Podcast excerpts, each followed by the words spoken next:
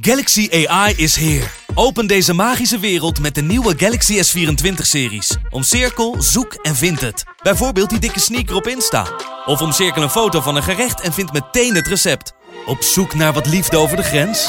Met ChatAssist als tolk is jouw liefde grenzeloos. Maak vlijmscherpe foto's en bewerk ze als een pro. Met Photo Assist verwijder je al het ongewenst uit je foto, zoals lelijke reflecties of je ex. Bestel de Galaxy S24-series nu op samsung.com. Studio Socrates wordt mede mogelijk gemaakt door Unibed. Há muito tempo você está no meu caminho. Como posso esquecer?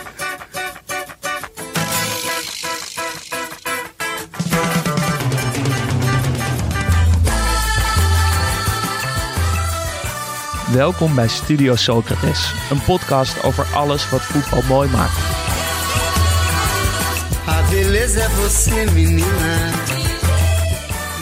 Ja, ja, ja, Jasper. Daar zitten we weer. Tijd Eh, voor de Studio Socrates Celassau op ja. vrijdag. hoe gaat ie? Nog iets moois eh, gezien, meegemaakt?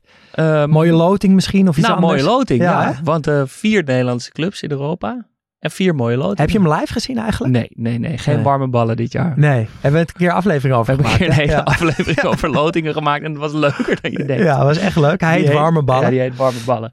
Ik heb hem ook niet live gezien. Eh, maar natuurlijk weet ik hem inmiddels wel. Waar kijk je het meest naar uit?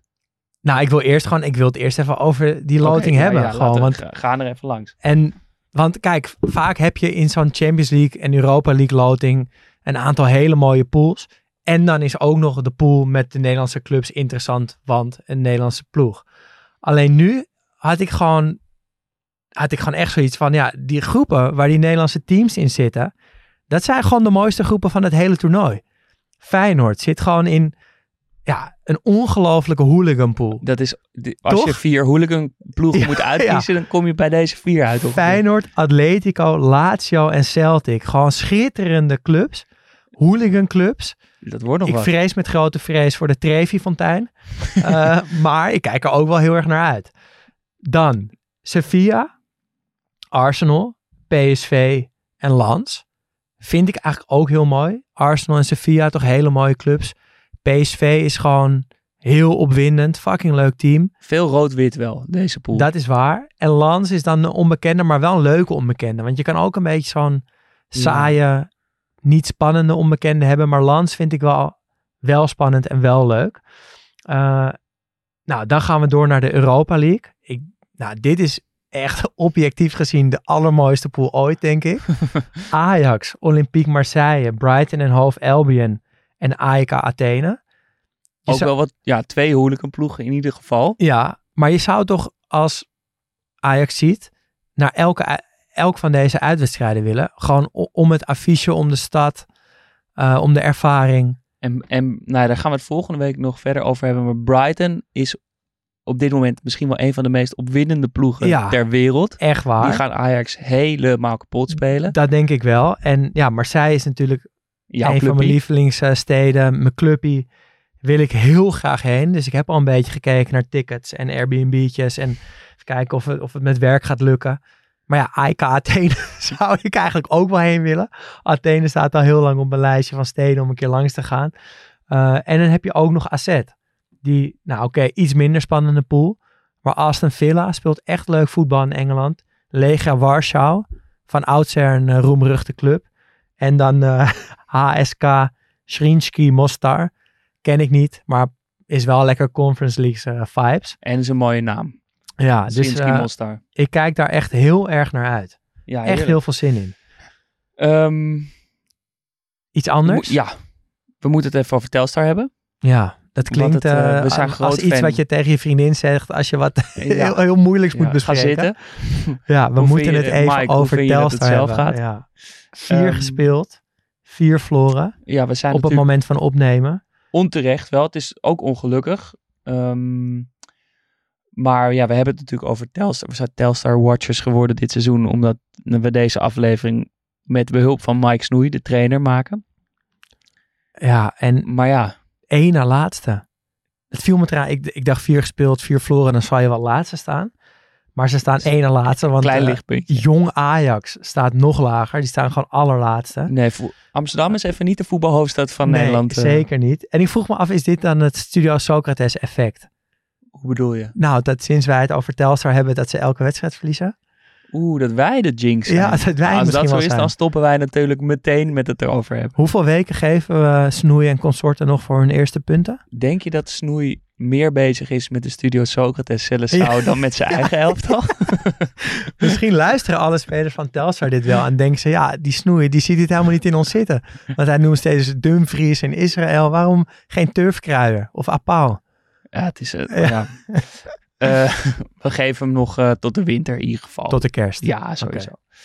Maar we gaan dus samen met Mike Snoei op zoek naar de studio Socrates Celestau. Dus we selecteren elf spelers die in ons elftal moeten. En dat zijn niet de beste spelers, want dat zijn rijtjes, ja, daar raak je nooit over uitgepraat en dat zijn er genoeg. Maar we hebben het over de spelers die het meest in onze harten zitten. Onze mannetjes. Onze mannetjes, diegene die, waar we een soort liefde voor hebben gecreëerd voor het type speler in de afgelopen afleveringen. Precies. Eh, Ehm, En dat doen we aan de hand eh, ja, van posities. Ja. En Mike Snoei, die opent eh, telkens het bal met een, eh, ja, een soort van positiebeschrijving, gevolgd eh, door zijn keus op die positie. En eh, we zijn aanbeland bij de linker centrale verdediger. Eh, dus daar gaan we even rustig naar luisteren. Je ziet bij Vlagen dat hij geweldig kan voetballen. Ben gek van. Hallo jongens, hier ben ik weer, Mike Snoei. Eh, nog eens even wat dieper in de samenstelling van het ideale elftal van mij duiken. Hè, als liefhebber vooral.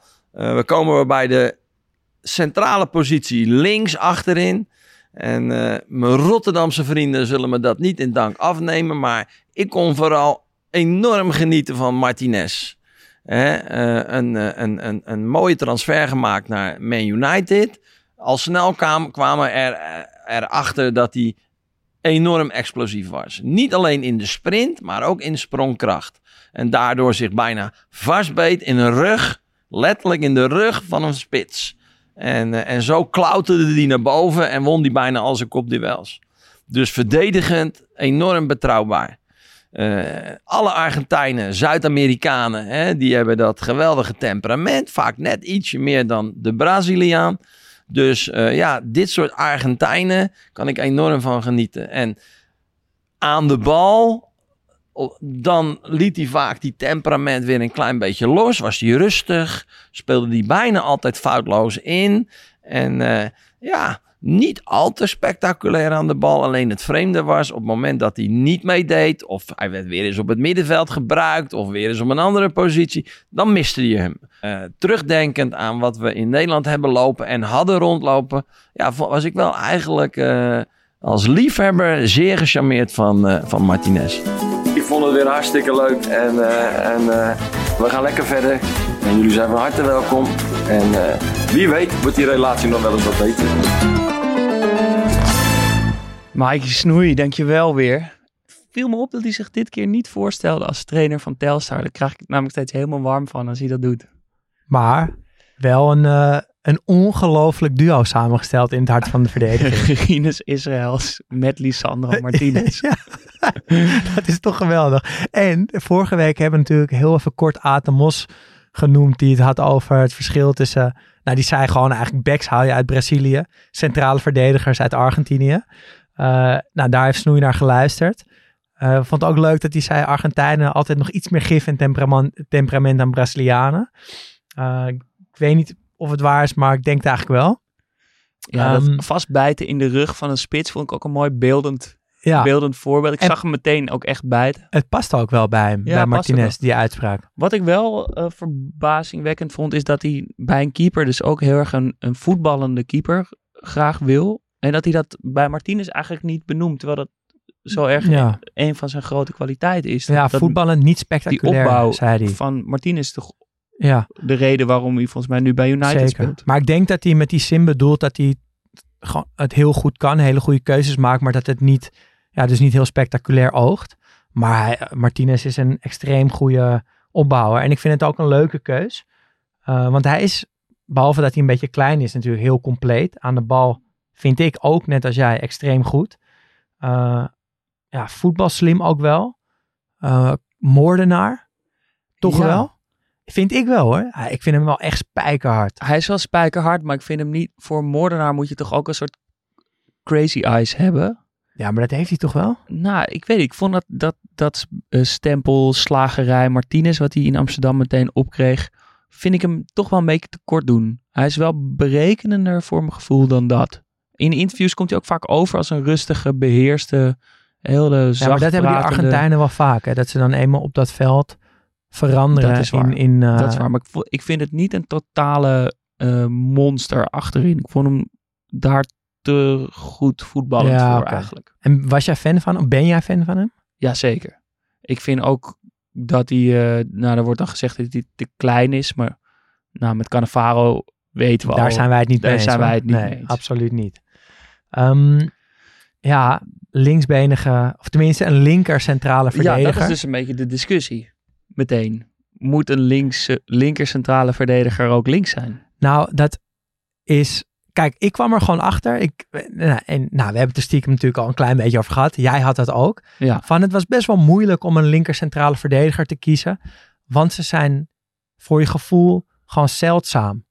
Want je denkt meteen bij een linker centrale verdediger aan een linkspoot. En die zijn er veel minder dan rechtspoot. En ik, ja, ik was daar zo door. eh, nou, ik, ik vond het zo lastig om, om goede spelers te vinden dat ik daar even in die cijfers ben gedoken.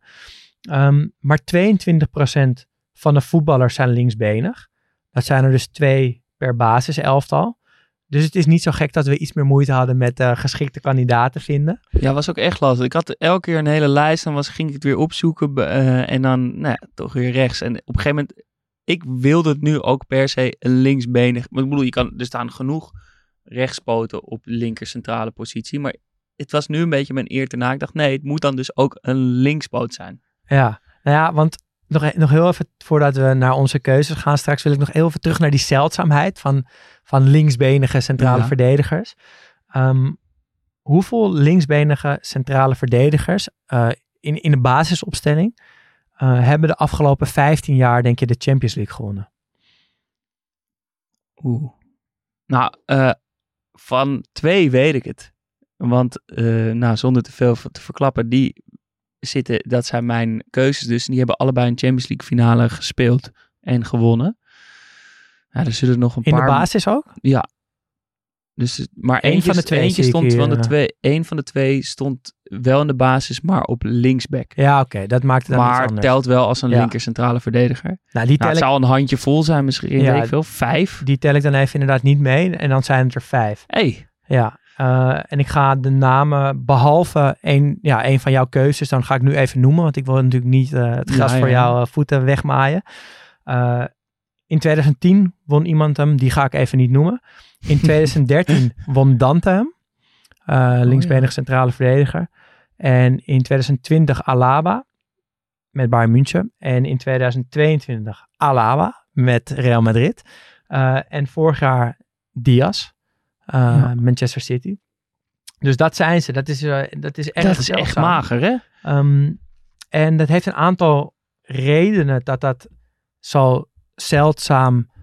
Nou, niet een aantal redenen dat het zo zeldzaam is, maar meer een aantal redenen dat heel veel trainers nu wat bewuster dan vroeger op zoek zijn echt naar zo'n linkspoot in het centrum. Eh, want kijk, we weten nog Manchester United bijvoorbeeld met Vidic en Ferdinand twee rechtspoten. En daar heb je talloze voorbeelden van.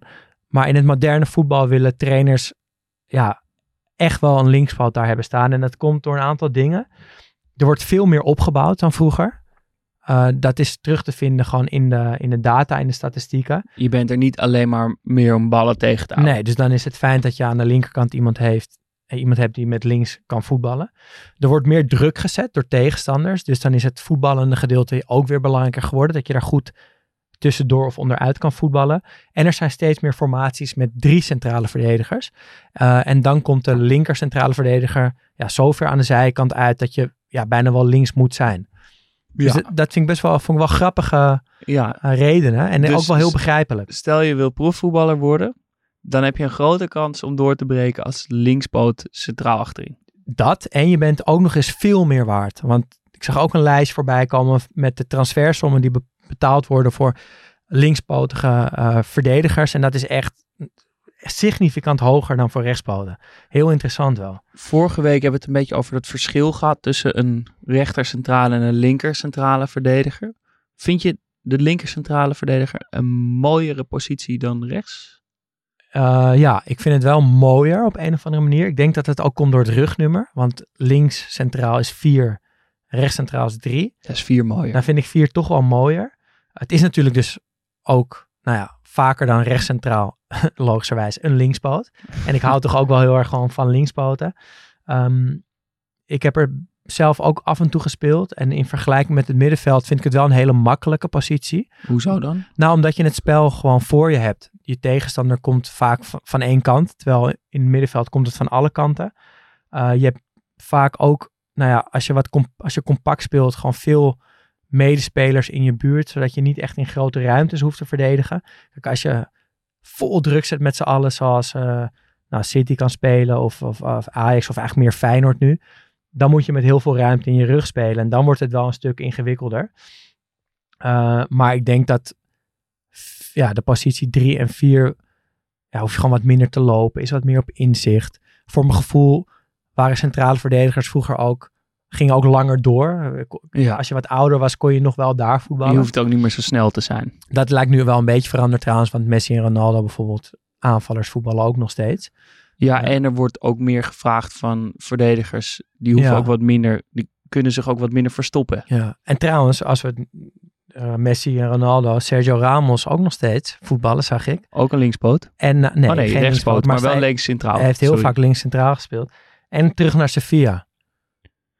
Ja, ik zie jouw hoofd betrekken. Je vindt het. Uh, ja, je had hem liever naar de zandbak zien gaan? Nee, nee, nee. Nou ja, bij hem had ik het misschien wel beter vinden. Ja, had ik niet erg gevonden. Ik heb gewoon. Nee, je vindt hem gewoon zo vervelend. Ik vind hem honderd keer beter dan Piqué. Ja. Maar, en ik, het is natuurlijk, zeker in zijn jaren bij Real was hij ongelooflijk goed en heerlijk om in je elftal te hebben. En een, een plaag voor elke tegenstander. Maar ik, vind, ik heb echt helemaal niks met hem. Ja, ik vind hem niet eens zo. Ik erger me niet eens zo heel erg aan hem ja, en ik hou natuurlijk ook wel van die bad boys in de verdediging, maar hij, ja, ik weet niet, het was toch te veel een plaatje daarvan of zo, of net te gelikt. Ja. Die jonge jaren vond ik wel vet met die lange haren en die bandana. Maar het, het is een beetje zo'n, uh, ik vind hem altijd een beetje een, een naaper. Weet je, Ronaldo rolde op een gegeven moment zo zijn trainingsbroekje op en dan ging hij dat ook doen. ja, alles een beetje neppig.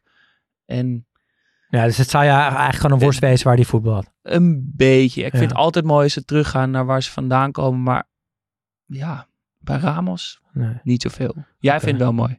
Uh, ik heb ook niks met Ramos, maar ik, ik las dit ook het verhaal met die Puerta en Ramos en zo. En uh, ik voel, ja, ik ben dan, ik ben ook wel heel naïef hoor in dit soort dingen. Want misschien heeft hij wel geen, geen enkel ander goed aanbod gehad en kiest hij daarom voor Sevilla. Maar ik vind het, uh, ja, ik vind het toch mooi. Ja, ik ben blij dat hij voor Sevilla kiest en niet voor iets anders dan. Maar ja, we hebben het altijd vaak over vasthouden aan je identiteit. En wat dat betreft had ik ja, bij Ramos wel gevonden dat hij vasthoudt aan zijn identiteit door naar Saudi-Arabië te gaan. Oké, nou even terug naar die positie. Ja, oh ja. Um, is er een soort van koningspositie, een beetje de belangrijkste positie in het elftal? Want voor mijn gevoel komt de vier daarvoor in aanmerking. Maar ben je het daarmee eens? Ja, dat, nou, ik vond het wel een leuke, een beetje moeilijke vraag wel. Ik denk, want het is natuurlijk altijd heel verschillend. Er zijn natuurlijk ook wel eens elftallen waarin juist de rechtsback, uh, weet ik veel, Hakimi bij Marokko, ja. het meeste aanzien geniet in de kleedkamer. Maar als je het puur hebt over posities, nou, ik denk dat links buiten, rechts buiten en links achter, rechts achter, die kan je, alle, die kan je meteen afschrijven. Dat gaat hem niet worden. Omdat ze niet centraal genoeg staan? Ja, dat denk ik. Die staan, nou, wat je net al zei, die staan in aanzien, denk ik, Nee, die, die, kunnen wat meer rommelen of zo. Die, hebben, die hoeven wat minder dat minder verantwoordelijkheid. Te dragen. Ja, zo voelt het. Een spits, denk ik dat het clichébeeld is dat die spits zichzelf vooral de belangrijkste speler van het elftal vindt. Maar, Want hij scoort de doelpunten en ja, zal win je wedstrijden. Precies. Um, een beetje de frontman van de, van de band, maar geeft niet echt het ritme aan of zo. Nee. Um, dus dan hou je een beetje of de 10 of de 6 of de 4 positie inderdaad over. Toch de as de keeper, die gaat het natuurlijk ook niet worden. Nee, zeker niet. Dat staat helemaal op zichzelf. Dus sowieso de as. En dan ligt het er een beetje aan. Maar als je dan kijkt naar verdedigers als Maldini, Rijkaard, Compagnie, Thiago Silva. dan lijkt die nummer vier positie toch wel het meest een soort de koning in de, de, Ja. te heersen in zo'n elftal of op een veld. Ik ben het daar wel mee eens. Want ik denk dat de tien het meest aanzien geniet. Gewoon, ja, dat het meest getalenteerde voetballer vaak is. De nummer zes zet, denk ik, voetballend gezien wat meer de lijnen Het uit. is een- misschien wat meer een schakel ook. Ja, en eh, nummer vier is, is inderdaad, die, die heeft gewoon die troon op. En die leidt, die Ja. bepaalt. Zo als, voelt het als wel de nummer beetje. 4 tegen de nummer 6 zegt dat hij iets moet doen, Ja, dan gebeurt het. dan en doet het. andersom minder misschien Ja. wel. Ik ben het daar wel mee eens. Dus het is ook voor ons elftal echt een ongelooflijk belangrijke positie. Ja, Vlak ja, dat niet uit, hè?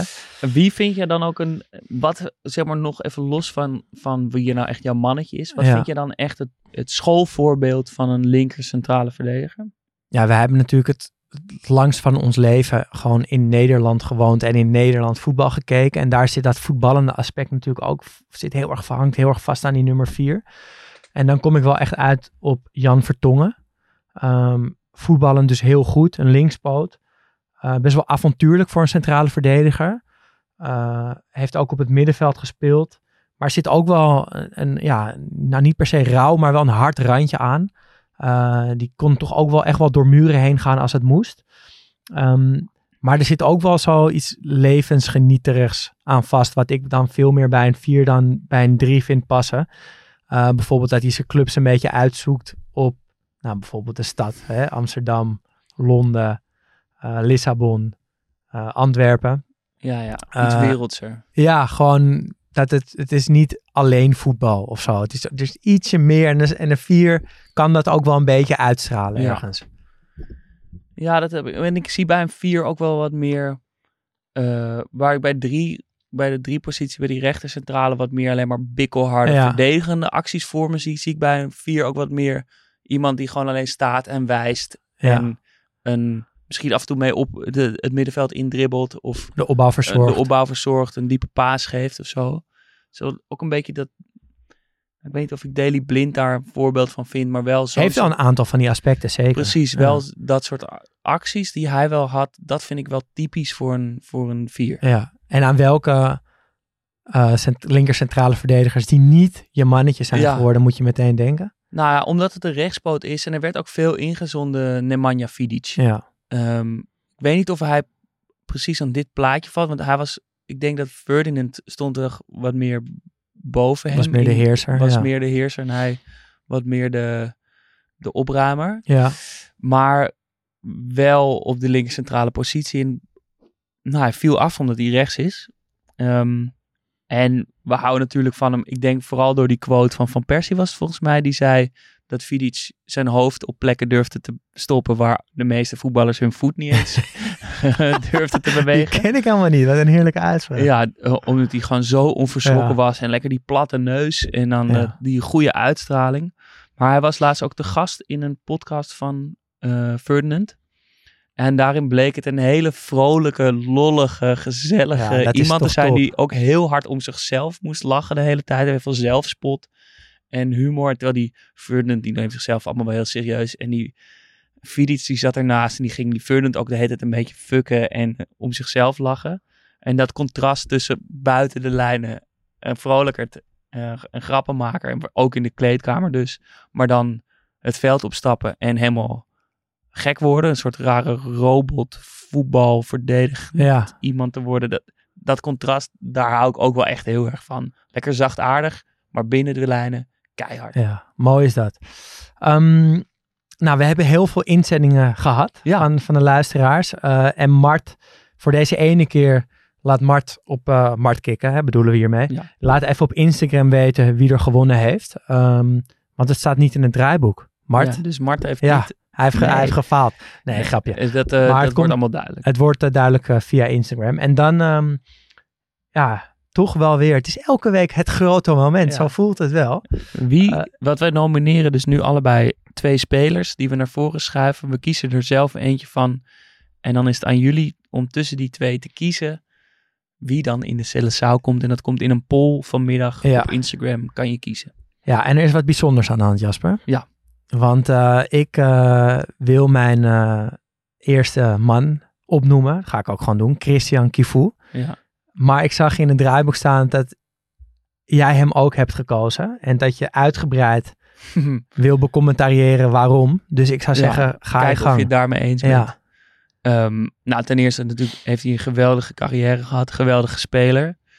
Ehm, moest door Koeman bij Ajax, in zijn periode bij Ajax echt worden afgeremd. Want hij wilde elk duel vol ingaan. En dat hoeft natuurlijk ook niet. Kreeg daardoor ook later in zijn tijd bij Inter een schedelbasisfractuur. Omdat hij gewoon... gewoon Ik zie hem ook meteen gaf. voor me met of een tulband of die... Die Petr muts. Ja. eh, muts. Ehm, stond wel ook na een maand na die blessure, stond hij gewoon weer op het, op het trainingsveld. Ehm, maar, dus dat heb je. Maar er was een maand geleden of zo, had, heeft Ajax een documentaire gemaakt over het seizoen 2002, 2003, waarin ze ver kwamen in de Champions League. Champions League onder Koeman. Ook meteen het onderwerp van onze aller, allereerste aflevering Studio Socrates ooit. En een leuke documentaire met een terugblik naar dat team en die wedstrijden. Zlatan komt aan het woord, Van der Meijden komt aan het woord, Koeman komt aan het woord en Kivu. Ehm, het zijn natuurlijk allemaal behoorlijke mannetjes, zeker met de Van der Meijden en Zlatan. Haartjes allemaal goed en strak en eh, tattoos. En, eh, en vervolgens wordt er gesneden naar een, ja, een wat sjovele man die op een klapstoeltje op een trainingsveld in een soort los jasje relaxed onderuit hangt. Heeft echt zo net uit bed haar met nog een plukje wat recht overeind staat. Christian Kifu, helemaal rustig, helemaal zichzelf, heel vriendelijk, heel eh, bereikbaar. Heel liefdevol en aardig en zonder enige capsone over die wedstrijden bij Ajax. Maar tegelijkertijd vond ik, want ik heb het ook gezien, wel een boefje nog steeds. Wel een boefje, maar zo ja, een beetje showvol, een beetje... Er hangt helemaal niet een soort zweem omheen van Totaal niet. miljonair en oud topsporter.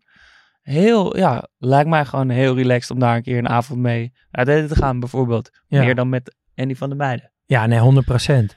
En Ehm, ik, ja, ik kan me hierbij aansluiten. Al moet ik dus wel zeggen dat wat mij zo aantrok ook in hem was dat hij. eh, dus wel echt, hij, wa- hij was heel ondeugend voor mijn gevoel. Eh, alleen lag dat er niet per se zo bovenop. Maar je ziet gewoon aan zijn hoofd dat hij, dat hij ook echt wel stoute dingen heeft gedaan in zijn ja, dat leven. En dat, dat, en dat, dat hij daarmee wegkomt op een soort van leuke, sympathieke manier. Hij was een heel vroeg een leider. Ja, werd op in zijn tweede seizoen bij Ajax op zijn 20 Ja. op 19 werd hij al aanvoerder. Hij kon vrije trappen scoren. En hoe? Ehm, Ja, en komt van een ongelooflijk bescheiden achtergrond. Opgegroeid in een heel klein dorpje in de bergen van het communistische Roemenië op dat moment nog. Eh, zijn vader was, was voetballer dus, en dat was ook zijn enige voorbeeld. Kreeg pas op zijn achtste voor het eerste voetbalwedstrijd te zien. Eh, dat was meteen de EK-finale van 88 met Marco van Basten. Ehm, en dat kon hij ook alleen maar kijken omdat er iemand blijkbaar met een antenne de berg naast zijn huis was opgelopen en hem daar in zijn hand heeft gehouden de hele wedstrijd. Eh, en dat je dan zo daaruit opklimt en dan in 2000 of zo, in of 2001 naar Amsterdam komt, die cultuurshock. En je dan zo snel kan er meteen zo staan en dat heersen en het meteen je eigen maken. En dat je meteen, je vertrouwt hem meteen zo, of je wil meteen ook een beetje bij hem zijn. Ja. Zo'n soort gevoel. Eh, en dan daarna natuurlijk eh, Roma, Inter. eh, Mooie, Ja, mooie teams ook, waar hij ook echt belangrijk is geweest. Want dat was ik een beetje kwijt. Van hij, hij heeft daar ook altijd gewoon gespeeld. Het merendeel van de wedstrijden heeft hij daar gewoon gevoetbald. En het zijn mooie clubs. Het zijn clubs met statuur. Het zijn clubs die zo goed bij hem lijken te passen. Eh, ja, waar, waar je hem nog steeds in die shirt zal ziet spelen. En dus nu ook is hij aan de slag als trainer bij Inter. Ja, dus ja, ik, het verbaast me niet dat we hem allebei eh, Ja. hebben gekozen. Enige smetje, dat slippertje in die wedstrijd tegen Milan. Ja, maar hoe die daar dan weer over praat in die documentaire Maakt maakt, goed. alles weer goed. Ehm, Ik ben benieuwd wie jij straks eh, naar voren schuift aan. Ja, Tussen, wie de pol gaat zijn. ja. Nou, wie, en wie heb je als tweede eh, gekozen? Als tweede, nou ja, ik ben het dus ook wel een beetje met Aten Mos eens. Want het is wel leuk dat we dus... gebeurt ook niet. Nou, ja, weet ik eigenlijk niet. Ehm, want het is leuk dat we die gekke, een beetje atypische Roemeen nu naar voren hebben geschoven. Maar eigenlijk moet je natuurlijk een centrale verdediger uit of Italië of Argentinië halen. Italië hebben we al gedaan, Cannavaro staat erin. Dus moet er nog een Argentijn in. Ehm, en eh, ja, dan komt dat, dat probleem weer om de hoek kijken. Je hebt Mascherano, Sensini, Ayala, Sorin, kan ook nog wel. Sanetti, misschien te veel aan de buitenkant. Otamendi, Heinze, dat soort spelers. Vallen allemaal af, allemaal rechtspoten. Maar gelukkig is daar één man. Maar zouden ook afvallen als ze links waren hoor. In Ja, vergelijking nou, met deze Sensini man. heb ik nog over Ja, gedacht. Omdat het een soort... Elke keer popte die weer op bij eh, Parma, bij eh, Lazio, bij al die clubs. Popte er opeens die gekke, het mondje, zoals zijn bijnaam is, popte die op. Heb ik nog over gedacht. Mascherano heb ik ook nog over gedacht. Alleen omdat hij het feit dat hij ze aan scheurde. maar de allerhardste van alle Argentijnse centrale verdedigers blijft nog wel over. Want die is links. En dan heb ik het over Walter Samuel. Speelde met Kifu nog hè. De muur, ja, Ja. dat is dus degene die in die Champions. League finale stond. Links in het centraal Ja. achterin samen met Lucio. En helemaal op linksback stond, eh, stond Kifu. Ja, dat is toch nou, fantastisch. Eh, Walter Samuel, wat een kop. Ik kon maar één foto vinden waarop hij lachte. Ik herkende hem ook bijna niet. Ehm Zanetti noemde hem de allerhardste verdediger ooit. Bikkelhard, heel snel ook. Goede kopper. Dat, ver- dat vergeet je een beetje. Ja. Dat hij ook nog heel snel was. Eh, veel overzicht. En eh, ja, fantastische carrière gehad. Ook met, met clubs om je vingers bij af te likken. Newell's Old Boys, Boca Juniors. Werd meteen daarna kampioen bij AS Roma in dat wonderseizoen waar we toen ook over gehad hebben een keer. Toen een beetje mislukt seizoen bij Real. Kwam ook door blessures. Maar daarna de glorie bij Inter. Speelde er negen jaar en werd dus kampioen in die finale van 2010 naast het paard Lucio. Bouwde daarna nog even zijn carrière af. Verrassend bij Basel. Dat is een beetje een gekke eend in de bijt in dit lijstje teams. Daar zit vast een verhaal achter. Wat- Ik kon het niet vinden. Nee, maar dat moet bijna wel, toch? Maar, en waarom ik nog meer van hem ben gaan houden, is dat hij afgelopen WK een heerlijk assistenttrainers trio vormde met Aymar, Ayala en dus Walter Samuel. Ja. Dat was ik alweer, eigenlijk alweer een beetje vergeten. Maar die foto van die Ja. drie naast elkaar op de bank. Ja, het belang van een goede assistent-trainer. Heb je trouwens een heel klein eh, zijsprongetje van Gaal gehoord? Gisteren van de week over eh, ja, Argentinië moest het WK winnen. is niet handig. Maar het is toch ook echt gelul? Of Ja, weet ik. Ja, ik vo- vond het makkelijk. Ja, ja, ik vond, ik vond dat Van Gaal zich hier heel klein maakte. ja. ja. Wil ik niet meer van hem zien. Walter Samuel, we hebben hem eh, genomineerd. Twee keer Kifu, Ja. één keer Walter Samuel. Dat blijft nog één eh, plekje over. Ja, er blijft nog één eh, plekje over. En ja, jij hebt eh, je heel strikt gehouden aan een linkspoot links centraal. En dat waardeer ik ontzettend. Eh, je hebt het jezelf er wel lastig mee gemaakt. Nou, ik ben heel tevreden Ja. met mijn keuze. Nee, want ik wou net zeggen, uiteindelijk- ja zeker. Maar ik heb misschien iets te veel vrijheid genomen. Oh, Ehm, maar ja, het is mijn team. Ik ben Nee, de mag- trainer. Dus ik bepaal wie ik waar se- selecteer. Eh, en ik heb gekozen voor Lilia Turam. Een man die vaker rechtscentraal speelde. Ook vaak zelfs rechtsback speelde. Maar toch ook met regelmaat links in het centrum werd geposteerd. Eh, en ik droom gewoon van een centrum met Alex en Turam. Want welk muisje gaat daar in godsnaam doorheen komen? Eh, en er staat mij een wedstrijd van Turan bij, WK 98 Kroatië, dat hij twee keer scoort. Eh, hij komt dan wel vanaf rechtsback, maar toch. Hij schiet Frankrijk naar de finale toe. Eh Zidane is natuurlijk de belangrijkste man van het land, maar Turam volgt toch echt wel op plek 2. Een geweldig rijtje clubs ook. Monaco, Parma, Juventus, Barcelona. Ik hou eigenlijk heel erg, ben ik ook in deze jaren van Socrates ben ik achtergekomen van kleine spelerspaspoorten. Dus spelers die maar bij een paar clubs gespeeld ja, hebben. maar dan wel de goede. Ja, en nou, jij noemt net Walter Samuel op, die heeft dat ook.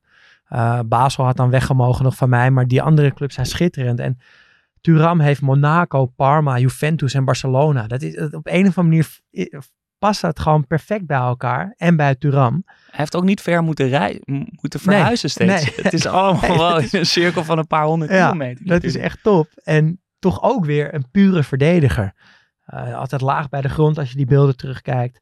IJzersterk in de duels. Aan de bal eigenlijk helemaal niet zo goed. Eh, Maar wat een verdediger. En ik heb toch echt van, gewoon geleerd van Socrates, van het maken van deze podcast, dat ik van mijn verdedigers, als ik, als ik het heb over mijn mannetjes, op welke verdedigers, ja, welke verdedigers raak ik nou, uh, raak mijn hoofd op hol, wie, wie sluit ik in mijn hart, dan zijn dat gewoon de, de pure verdedigers. En niet de, niet de mooie opbouwers, de indribbelaars. Het zal wel, schitterende spelers, maar niet, niet voor mij op een wat of andere toch, manier. Wat je toch Wat heel raar is. van jezelf zou verwachten. Ja, want, want weet je, als ik een trainer zou zijn van een topteam, dan wil ik een opbouwer hebben. Maar als ik het gewoon heb over mijn mannetjes, dan zijn dat dus gewoon spijkerharde verdedigers. Ja, wat, maar dat vind ik dan bij Turam kleeft daar niet zo'n soort imago aan. Als ik aan Turam denk, is het eerste beeld wat in mij opkomt. Turam in een zwarte kooltrui met een brilletje Ja, en in de politiek. lezend. Ja, maar dat vind ik, dat, dat wat, wat Samuel dan ook heeft en Fidic net ook. Dit, dat zal buiten het veld, nou ik wil niet zeggen dat ze alle drie belezen zijn, Turam Maar ik wel. denk dat Walter maar- Samuel gewoon alleen maar bikkelhard was. Altijd, Ook volgens buiten mij. Ja, dat, Ja, dat kan me niet voor. Die heeft een kop. Dat kan niet ook Ja. nog een lieve, vrolijke gast zijn. Ja, ik, ik, ik, ik betwijfel het. Misschien dat het eh, een hele warme familieman is. Maar ik vind het dus juist wel mooi dat, dat, dat je daaraan denkt bij Turam ook. Aan, aan het zo'n brilletje en, en die zwarte kooltrui.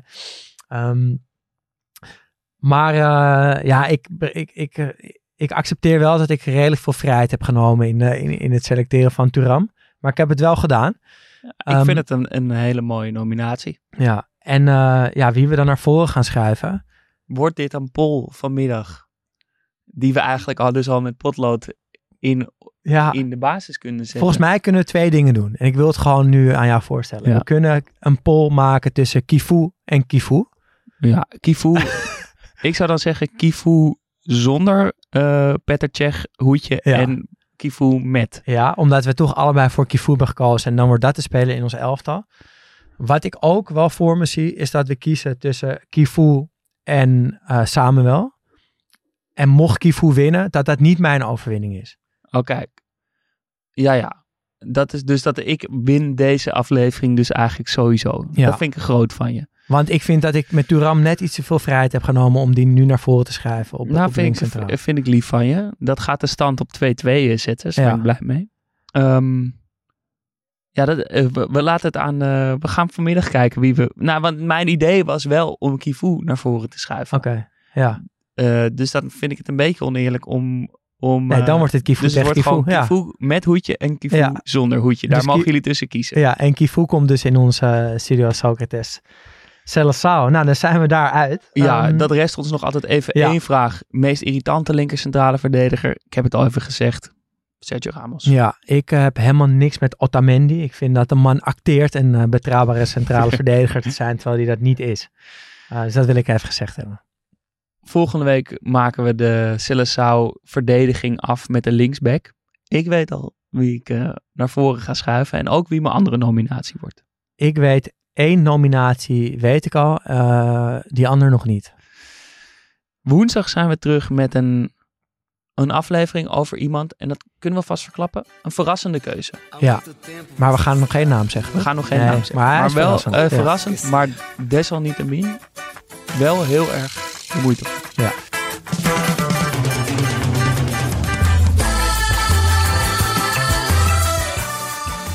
Studio Socrates wordt mede mogelijk gemaakt door FC Afkikken. We zijn te vinden op Twitter en Instagram, studio-socrates. En op vriendvandeshow.nl slash studio-socrates kun je ons steunen voor al 2,50 euro per maand en maak je elke week kans op een product uit onze eigen fanshop. Ja, dus twijfel eh, niet langer. Ga naar vriendvandeshow.nl slash Studio Socrates en word vriend. Eh, daar zijn wij heel blij mee. Eh, ja, ik voel gewoon heel veel dankbaarheid als ik weer eh, zo'n mailtje zie binnenkomen. Dus doe dat vooral. En eh, als je wil mailen kan dat ook Socrates podcast.gmail.com. En eh, tot eh, de volgende aflevering maar weer. Todos querem te amar. Ei, vento, vento, vento no mar. Te segura no balanço, pro vento não te levar. Vento no mar. Te segura no balanço, pro vento não te levar. Já sei que não vai ter jeito pra poder te conquistar. Se você olhar pra mim, menina, vou te amar. Já sei que não vai ter jeito pra poder te conquistar. Se você olhar pra mim, menina, vou te ganhar. Ei, vento, vento, vento no mar. Te segura no balanço pro vento não te levar. Ei, vento, vento, vento no mar. Te segura no balanço pro vento não te levar. Como posso te esquecer? Não tem jeito.